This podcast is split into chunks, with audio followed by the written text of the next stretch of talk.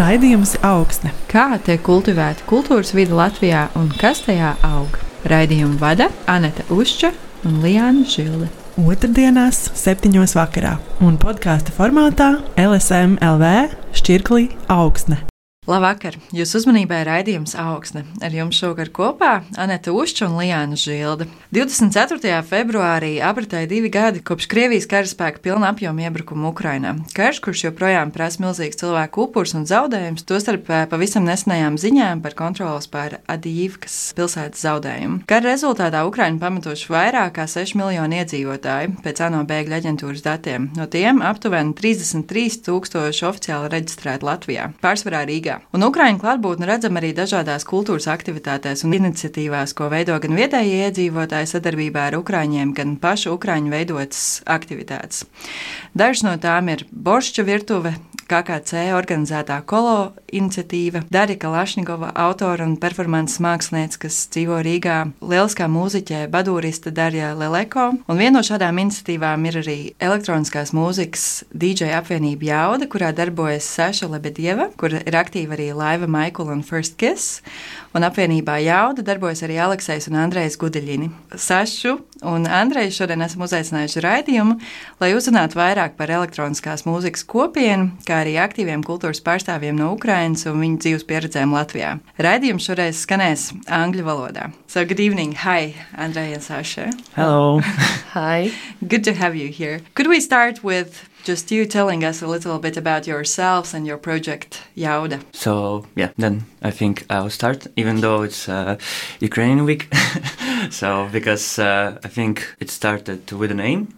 Uh, I had this in mind uh, for some time. We actually used to listen to a bit faster music, not a bit, but a lot faster. Uh, and so during COVID, uh, we had a friend, and uh, that's how we started to play because we missed it a little bit. And then we, so my brother had a DJ equipment, and uh, we just started to practice with him at home just because we missed playing music, missed hearing music, dancing. So we used to invite friends also, and slowly we came up with this name because we wanted something Latvian.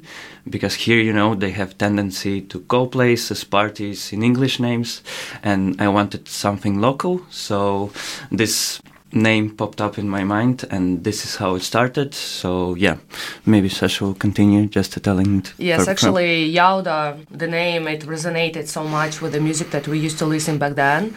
but during COVID, uh, the electronic scene in general, mostly underground scene, it shifted towards something lighter, something more happier, referencing a lot to uh, music from 90s, and uh, we actually followed that. But we realized that still our name still kind of fits to what we play because our initial goal is to play something uh, danceable, energetic, uh, playful, and quite diverse. So yeah, um, actually, uh, one of the influence that we got about the switching towards this kind of music is uh, when the lockdown started to become a little softer. They opened the borders, and we finally got a chance to travel to Ukraine. And uh, this is actually where we kind of first time we listened to this kind of music, we went to one of the clubs in Kiev, uh, in famous K41 or Club with No Name. Uh, that was like first time we actually heard this kind of music, and we're like, okay, you can do this kind of music, and we started digging into that. Turned out that there is like a specific genre called uh, progressive house, and uh, we started digging into that more more deeper, and um, yeah uh, quite soon we started making our first parties. Uh, it, w- it was like a private party for like 10 people, for like friends and friends of friends. And uh, we thought that uh, since in Latvia there is nobody who plays this kind of music, we thought, okay, we should bring bring it to like broad uh, a circle of people. And uh, first step for us uh, is that we started doing our uh, um, SoundCloud channel. We were searching for some DJs uh, from abroad not too popular, so they would actually uh, record something for us. yeah, that's also like a bit of a struggle to find someone because so to, in order to invite somewhere someone bigger, they won't agree. So you have to. That's uh, what I do. so I always dig uh, those small artists in SoundCloud. So you just listen to the mixes, and the idea is to like find those guys that we like and introduce Latvian people to this kind of music that uh, really resonates with us.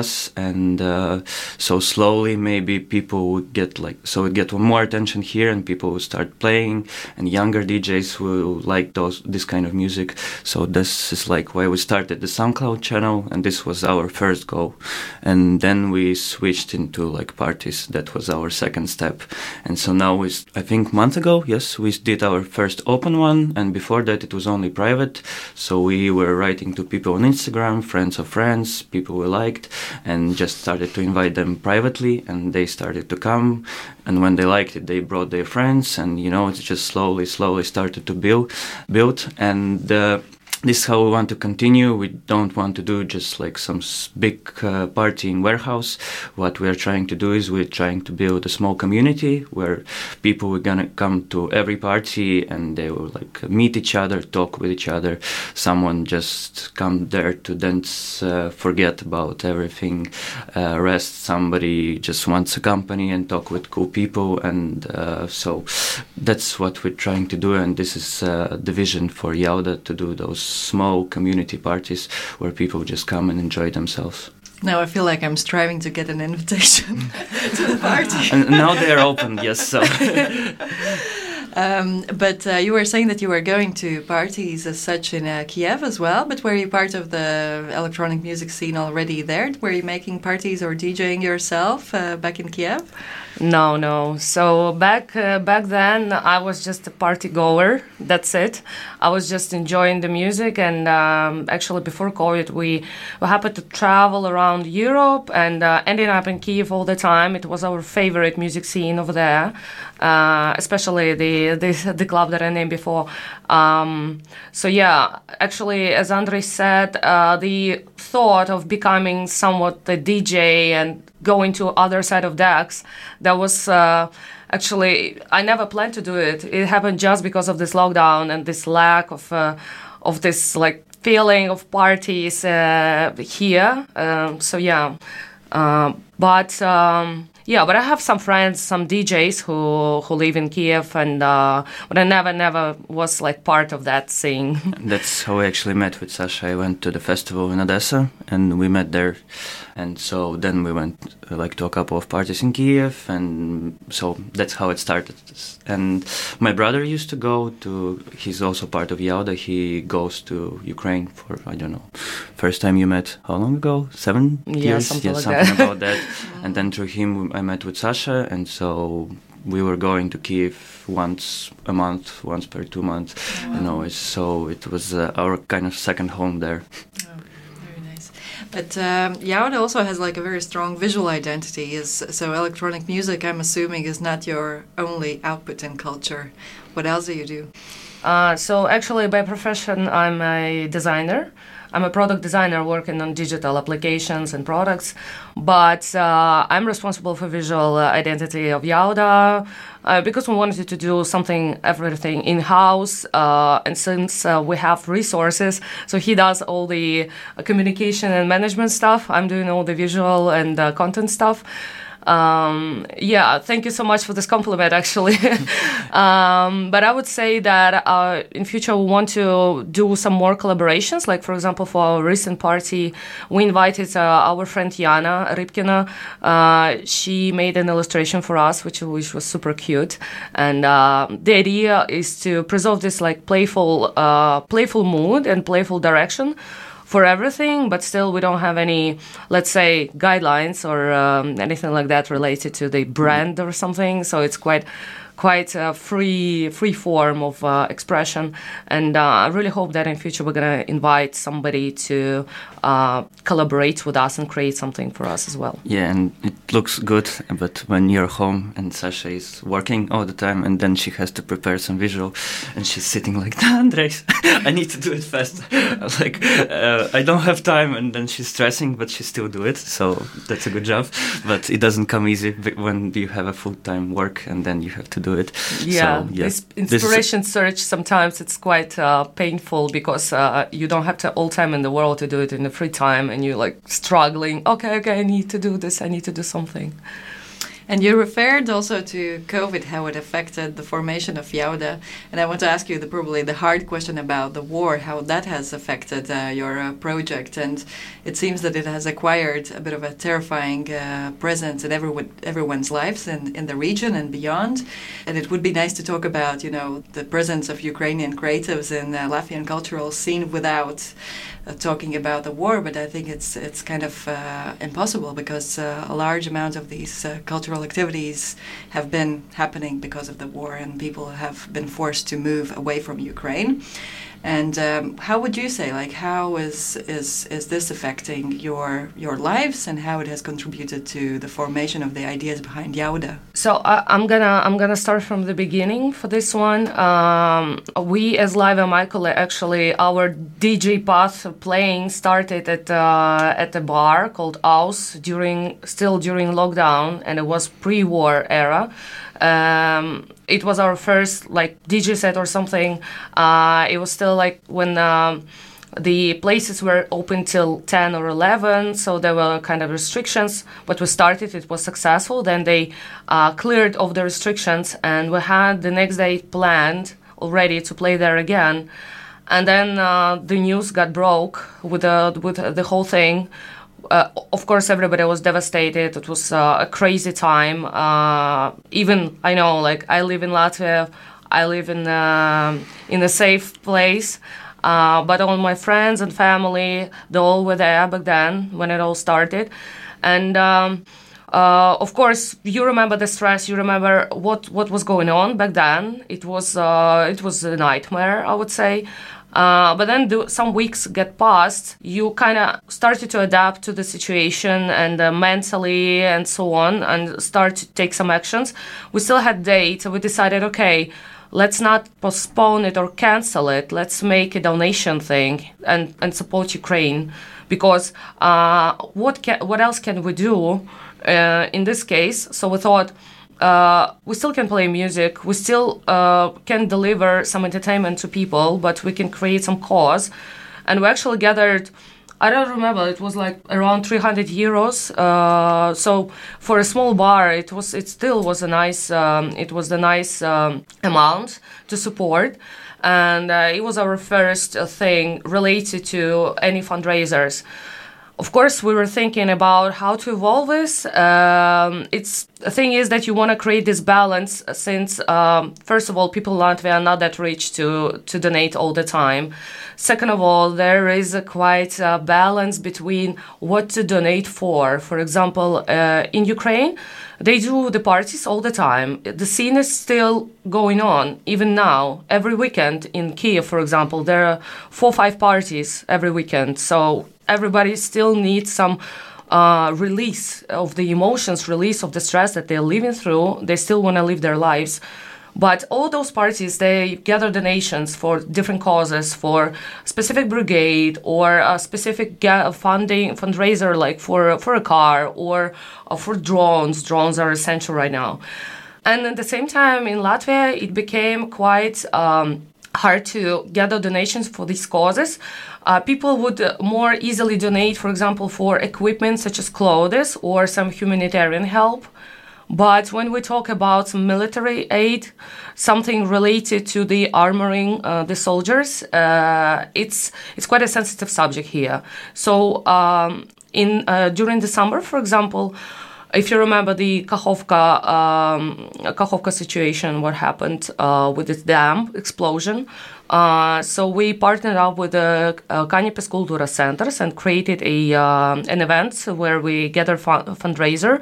We actually gathered quite quite a lot of money. It was 700 euros for a day party. It was it was something, and uh, you could see that people were um, they were more willing to donate for this kind of cause because uh, it's um, more related to ci- civil uh, civil uh, people rather than uh, supporting the warriors. Uh, it makes sense. I understand this. I understand uh, that uh, people who are who are not that related to the situation uh, in Ukraine, like personally, they would rather uh, think about anything humanitarian and peaceful rather than thinking about sponsoring the war itself. But of course, uh, when you are when you are from Ukraine, you think about those things a bit differently, and you understand that this is crucial to um, to gather, to donate, to aware about the military aid because uh, it's essential right now. Especially now during winter, people don't have a lot of warm clothes, and so we have friends, for example, who have uh, organization that uh, always gathers money for even shoes, like uh, warm clothes and stuff like that, because they live in the trenches now and quite cold, and they all need. And there's a lot of people, and they cannot provide all those things uh, right away.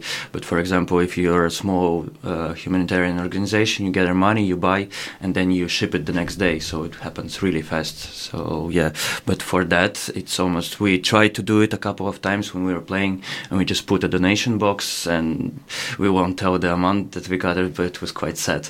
And uh, so people didn't help. But when you officially announce that you gather something and it's a bigger cause, then of course it's a bit easier. So, and now since the two year passed, uh, in the beginning it was easier, and now it just becomes harder and harder and harder to gather because people are I don't want to say okay with it, but they start to forget. They become numb a little bit, and maybe it's not that active anymore. So yeah, I wish uh, it would be active all the time. So yeah, Yes. this is how it happens. also we have uh, we have a lot of uh, awful events happening at the same time and people's focus shifts uh, from one thing towards another it makes sense but for for us this problem persists i would say that even uh, in ukraine it's it becomes harder and harder to gather donations for causes uh, you could see you try to invent new ve- new ways how to get it from people and uh, actually i'm a part of this volunteer uh, organization with my friends I'm doing- Sasha also does,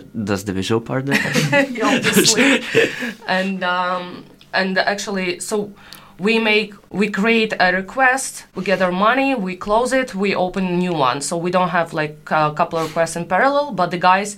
By themselves, they also cover extra requests uh, because they have uh, they have a business there, and they actually extract money money from business just to get just to cover initial requests for for warriors, and uh, it becomes harder and harder to get the money to to gather this. Yeah, of course, we can see that also on a kind of more larger political scale as well. That there's this uh, continuing uh, kind of struggle for attention and support uh, for Ukraine, and uh, yeah, we can see it also in a smaller uh, social scale, as you were talking about. Uh, maybe you can mention some um, details of organizations that you could, would uh, recommend that if people want to uh, contribute or support, like some of these your friends organizations you mentioned. Yes. So actually, there are plenty of them, and um, for example, there is uh, you know Azov, a special uh, special uh, regime. Um, sorry. Regiment, I think. So uh, they're quite big and they're quite popular in terms of uh, social media presence. So wherever they create any any initiatives,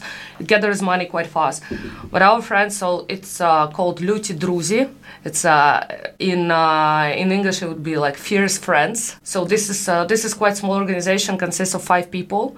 They have couple of uh, brigades who they care for, and at the same time they uh, they have. Um, extra requests that coming from elsewhere, from uh, different um, different um, house, different departments, um, and uh, the requests may vary from uh, equipment such as uh, winter clothes or uh, shoes.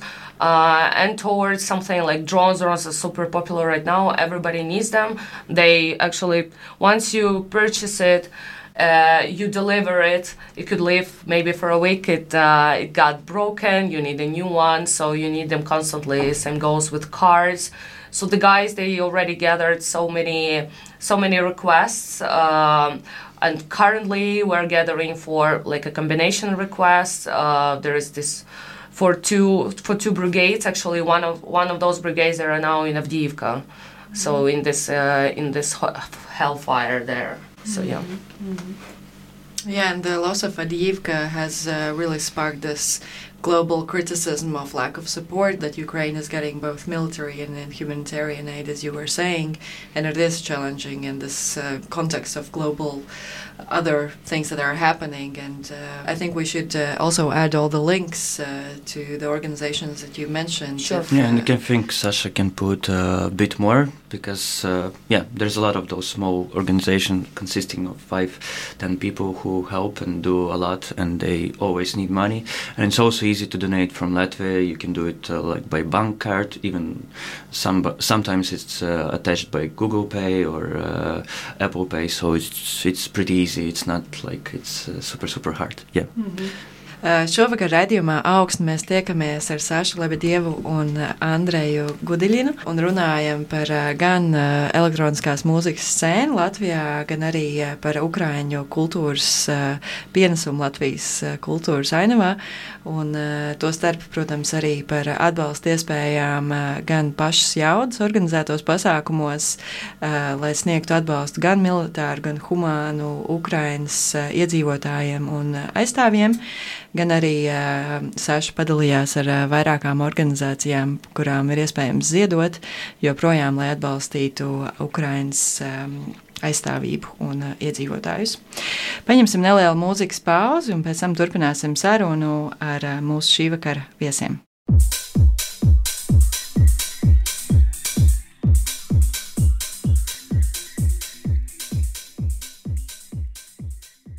Labvakar!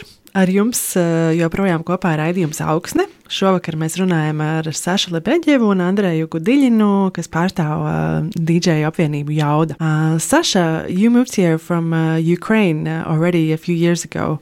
Um, could you talk a little bit about your experience moving here and, and uh, maybe how it fit together with your activities with Jauda? Was this something that helped you maybe fit into the local community here or get to know people? So um, I moved to Latvia four years ago. Uh, actually, when COVID started, uh, it was super spontaneous decision. Um, I was sitting in my apartment. I had a bunch of friends for movies uh, at my home, and uh, we see the news that the border is gonna be closed and I'm writing Andres and asking what, what should I do, what's uh, what was the next steps, and uh, I just buy a ticket to the last plane randomly. I packed a bag for like for a week or something, and I uh, flew here. And then it turned out that uh, the border is not going to be opened uh, till till couple next month. So we were living in uh, Airbnb apartments here. Before actually before COVID, I was traveling to Latvia quite often, maybe every couple of months. Um, it could be for a day, for a week, because at my work um, I was allowed to work remotely, so there wasn't an obstacle about that. So my movement here, in terms of, uh, for example, working, it's uh, it was chill because I'm still working with the same company as I used to work back then. Other than that, it was quite stressful because it was a stressful time, as you remember this whole lockdown situation.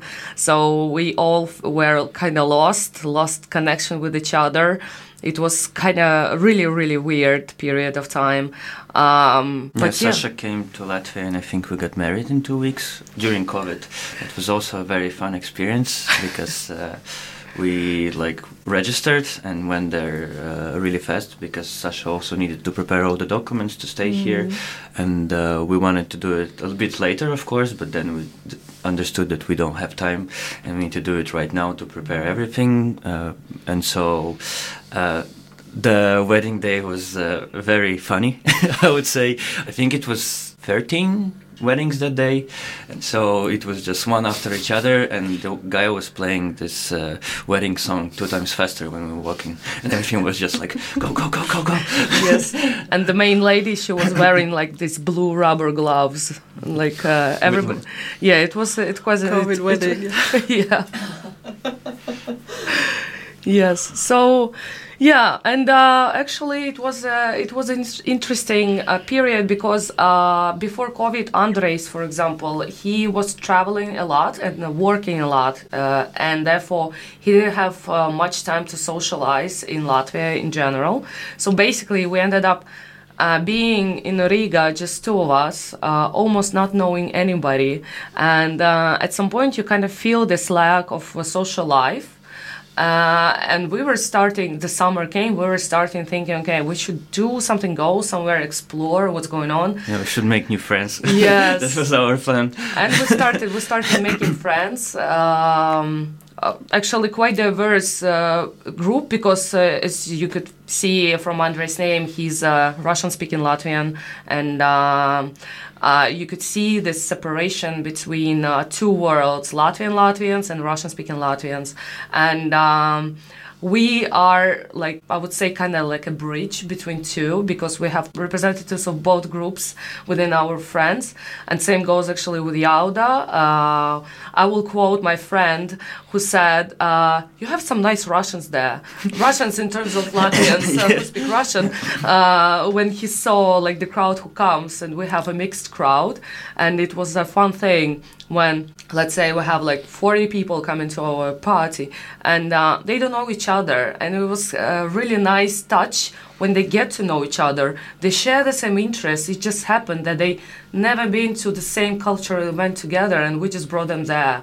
And uh, this interconnection between these two worlds and finally this like common ground where they can uh, connect uh, this is a, this is a nice thing. Yeah i'm really happy about this Yeah, you mentioned that uh, you see these Jauda events as a kind of community space that you want them uh, to be places where people come and talk together, and uh, and yeah, you mentioned all the, also this kind of national divide that uh, sometimes exists uh, in cultural uh, activities here in Riga. Do you think that Jauda, because it's based on the music, do you think that's why it uh, works Well, to, to build this bridge or common ground? also not only about language uh, we also okay it's a small uh, like sentence what we write in rules also before uh, our events it's not only about language it's also about uh, your nationality how you look uh, your orientation how you identify yourself so it's a free space for everyone to come there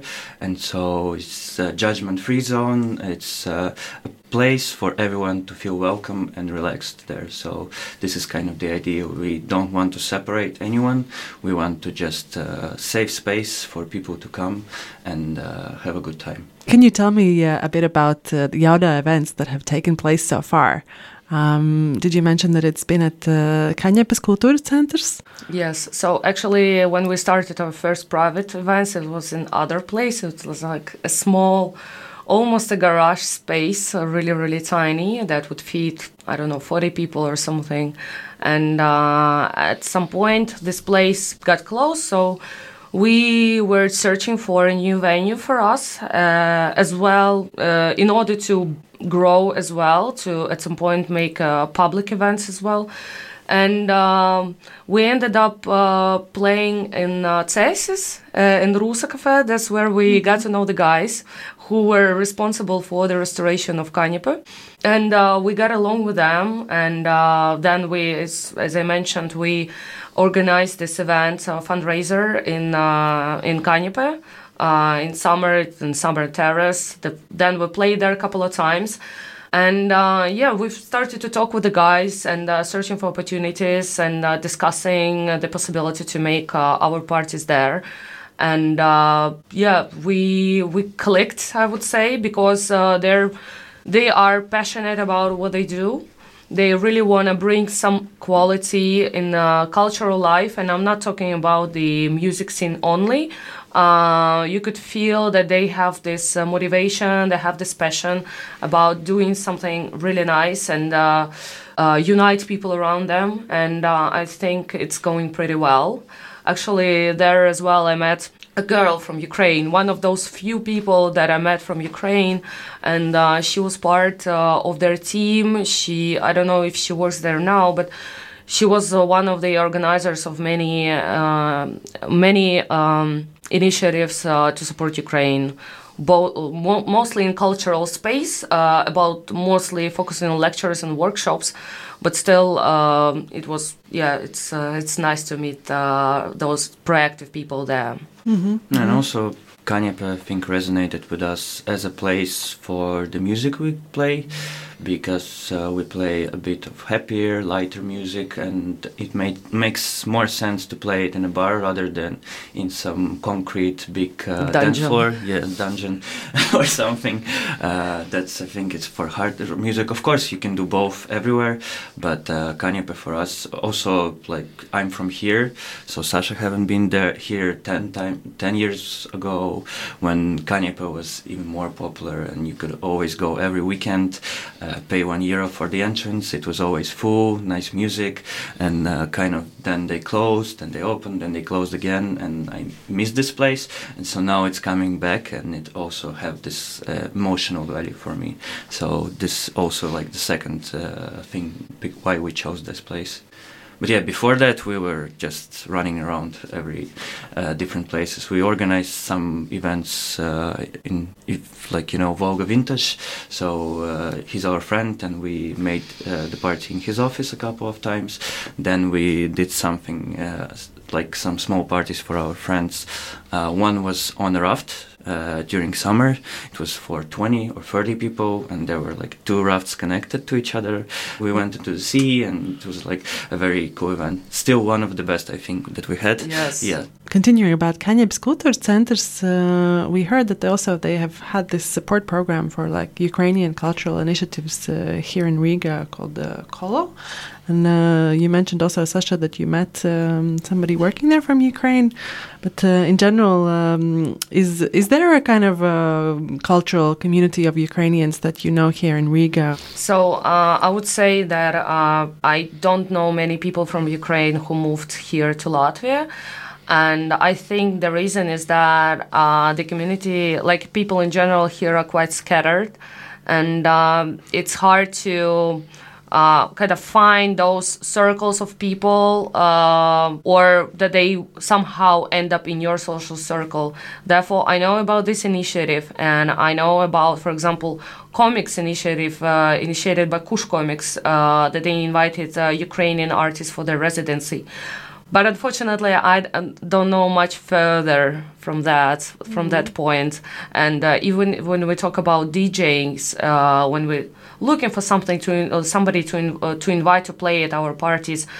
Uh, I still don't know anybody from Ukraine who lives in Latvia, unfortunately. So mm-hmm. yeah, it's. Um, I don't know how it happens, uh, but maybe it's Latvian mentality of uh, this uh, loving of loneliness and solitude their preference to, for example, uh, walk in the woods and enjoy the nature rather than socializing with people. Yeah, that's how I feel. That's actually was uh, quite. Um, quite hard for me to blend in in terms of uh, socializing with uh, Latvians, get to know more people because it's really hard to get get um, mm, closer to them. So it takes time, it takes work, and yeah. that's what we like. So especially also with parties, like people have to come a few times. You talk with them, and it takes time to work and time for them to open, which is okay.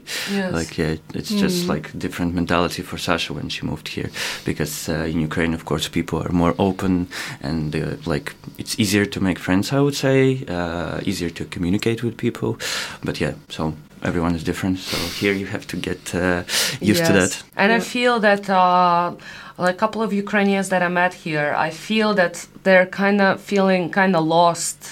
They, they don't belong here, and you you feel their sense about this. Um, so it's also create this extra obstacle of building this community around this. Mm.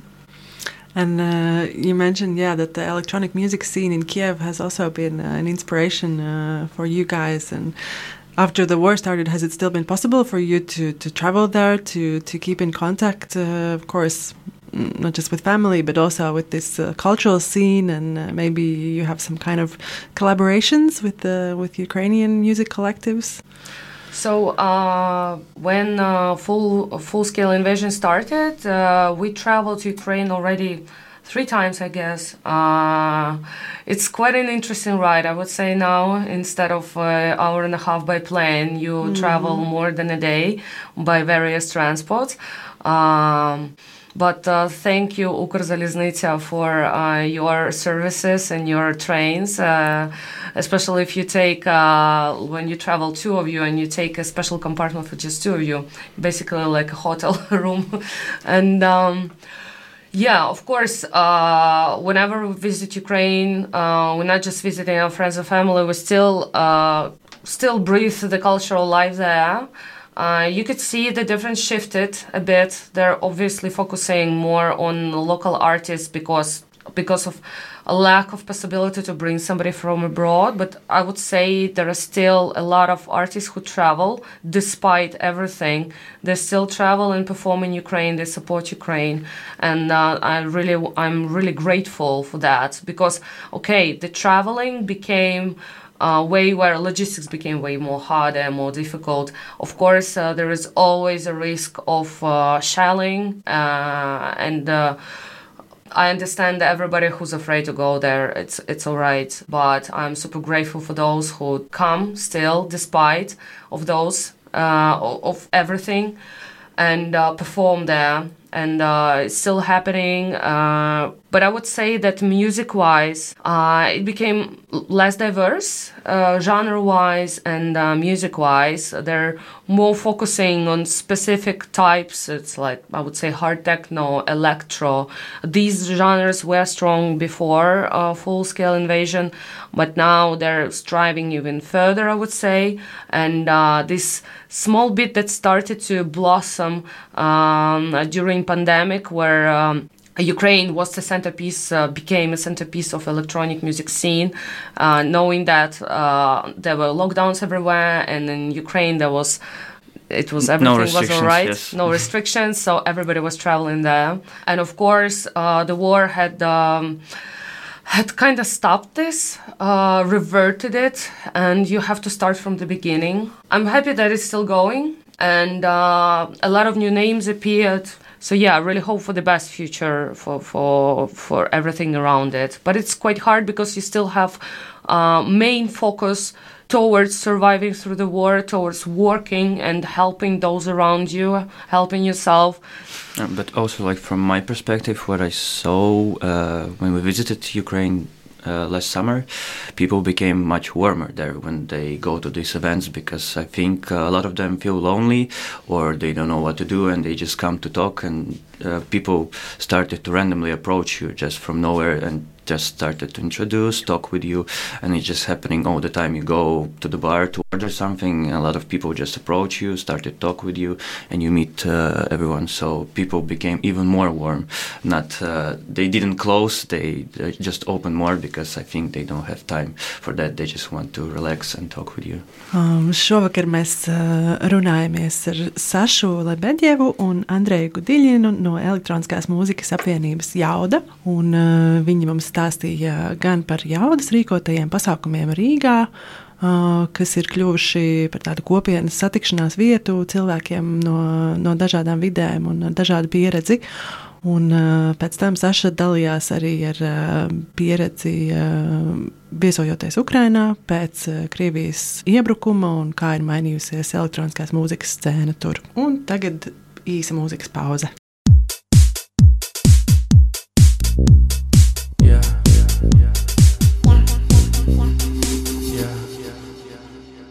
Labvakar, jūsu uzmanībai joprojām raidījums augsne, un ar mums šovakar kopā ir elektroniskās mūzikas apvienība Jauda un tās pārstāvja Sēša Lebedjeva un Andrejs Gudīļins. Mūsu šī vakara saruna ir angļu valodā.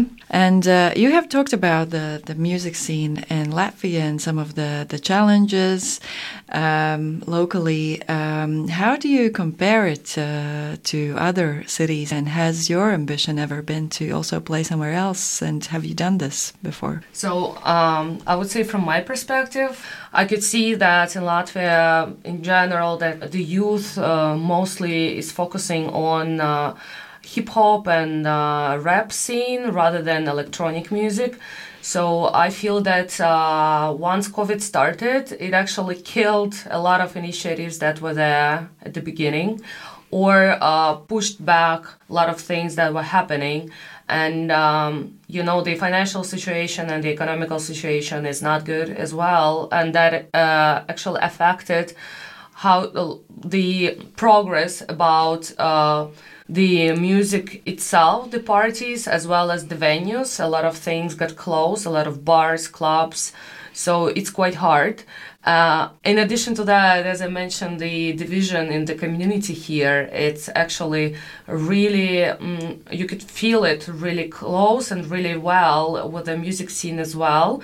You could see that there is two crowds of people, one that goes for um, let's say, uh, Russian speaking venues, and uh, another one which goes to Latvian speaking venues. So you already have divided the community into parts, and the community was already small. And at the same time, uh, the promoters you don't feel this uh, unity between them as well, which is uh, quite sad because instead of creating some unified um, let's say like a round table where you discuss initiatives think about strategies how to build this community how to evolve and unite it you kind of fight with each other and um, when uh, for example one weekend nothing is happening next weekend there are five events and you have five people of your crowd and those five people go to five events so therefore you have one person per event.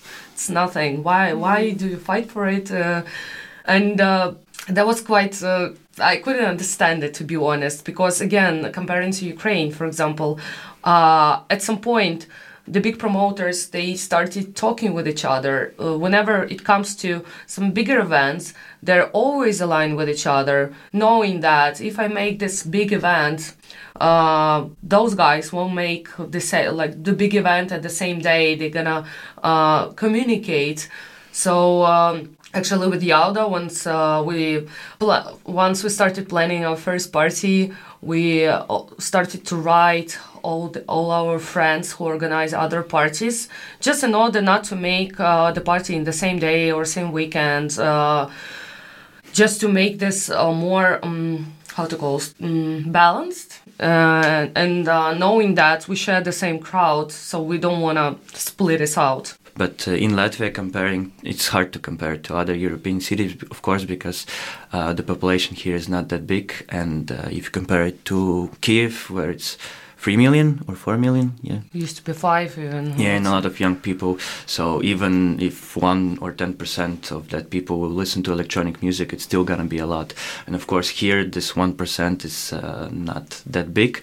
And uh, that's the problem that organizers of event uh, kind of reach here because if you invite someone uh, like some artist even if you organize not a party but a concert you have to pay for the artist for their flights the hotel everything. And so so if people won't come, then of course it's hard. And then you do it once, you do it twice, you do it three times, and when you uh, lose money, then of course you lose motivation also.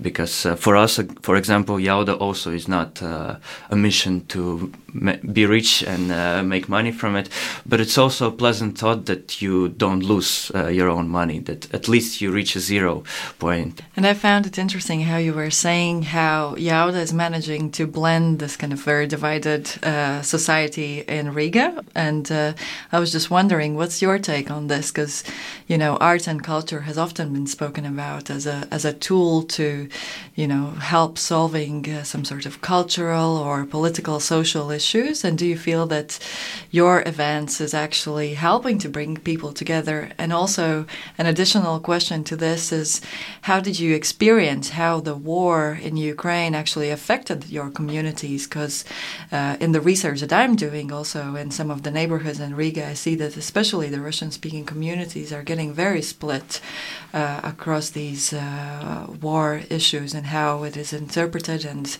all the information wars and everything. So um, I would say that um, this question is um, there is no black and white in this in this um, whole situation. It's super layered from my experience, I see that Latvians uh, they're super supportive for Ukraine, and uh, uh, the way they react it resonates with me on uh, on many levels. And uh, I would say that empathy and their th- uh, thought process that Latvian Latvian speaking Latvians have have in their heads. Uh, this is really correlates with what I feel personally.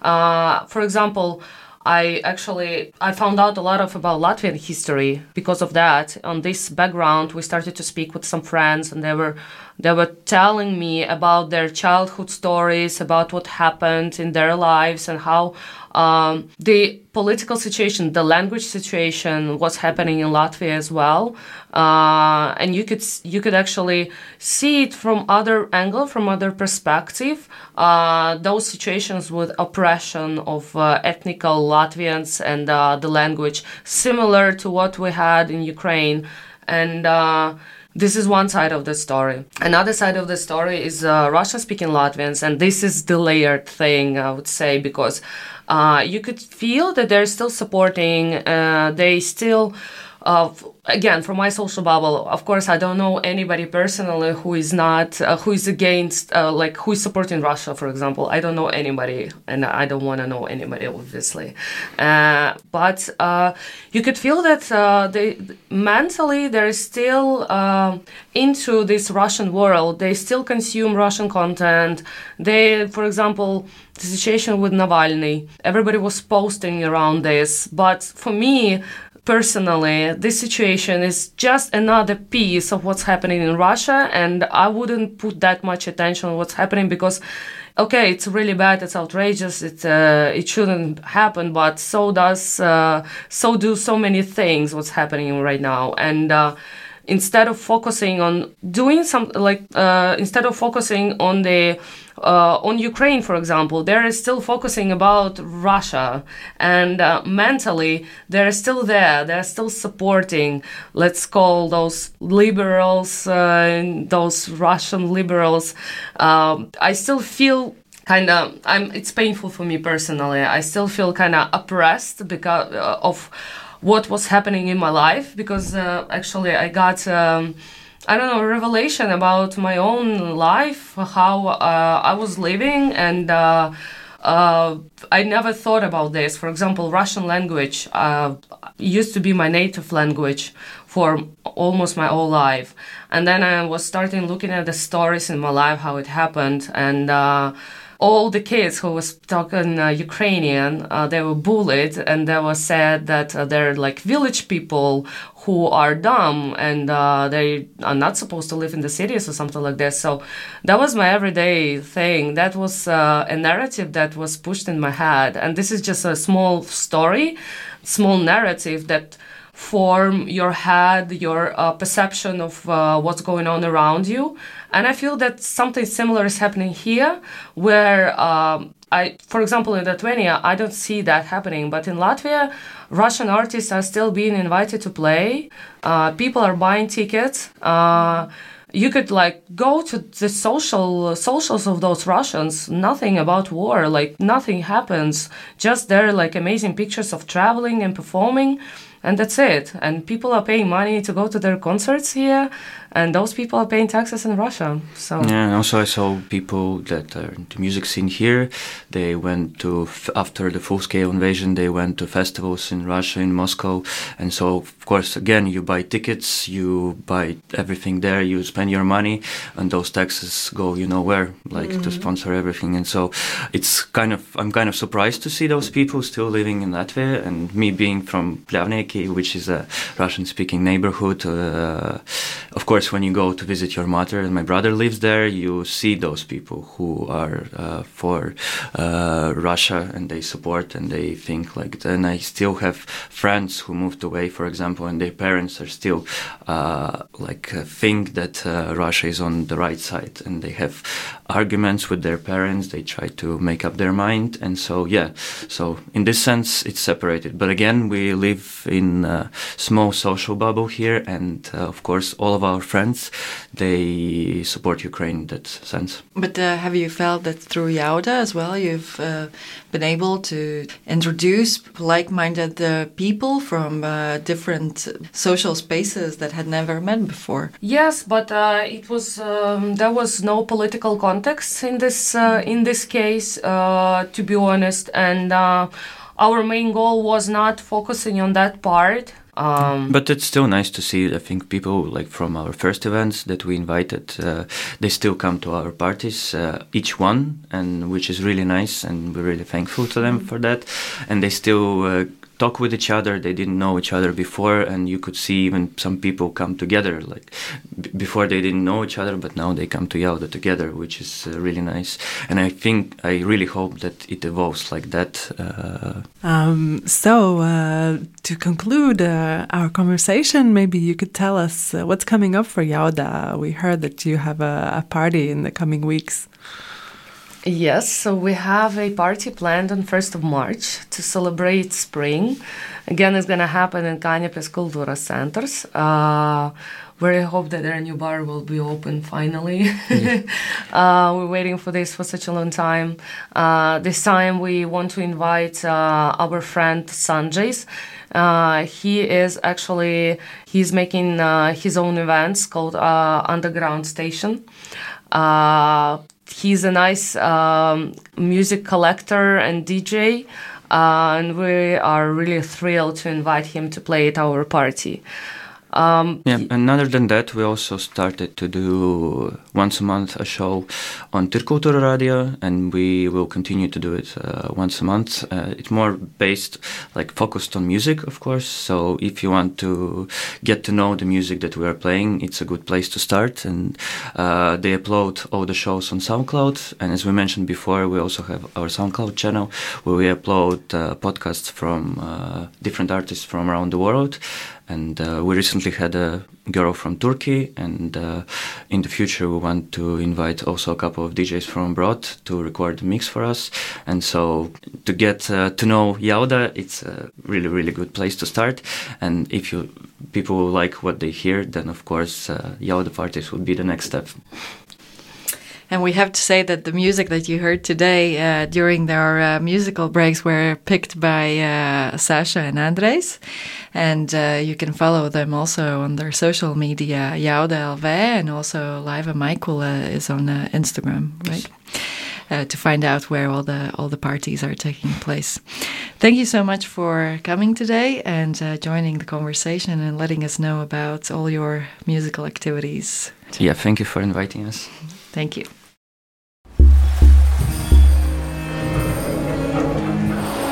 Raidījums augsne. Kā tiek kultivēta kultūras vide Latvijā un kas tajā aug? Raidījumu vada Anita Ušča un Lijāna Žilde. Otradienās, septiņos vakarā un podkāstu formātā LSM LV šķirklī augsne.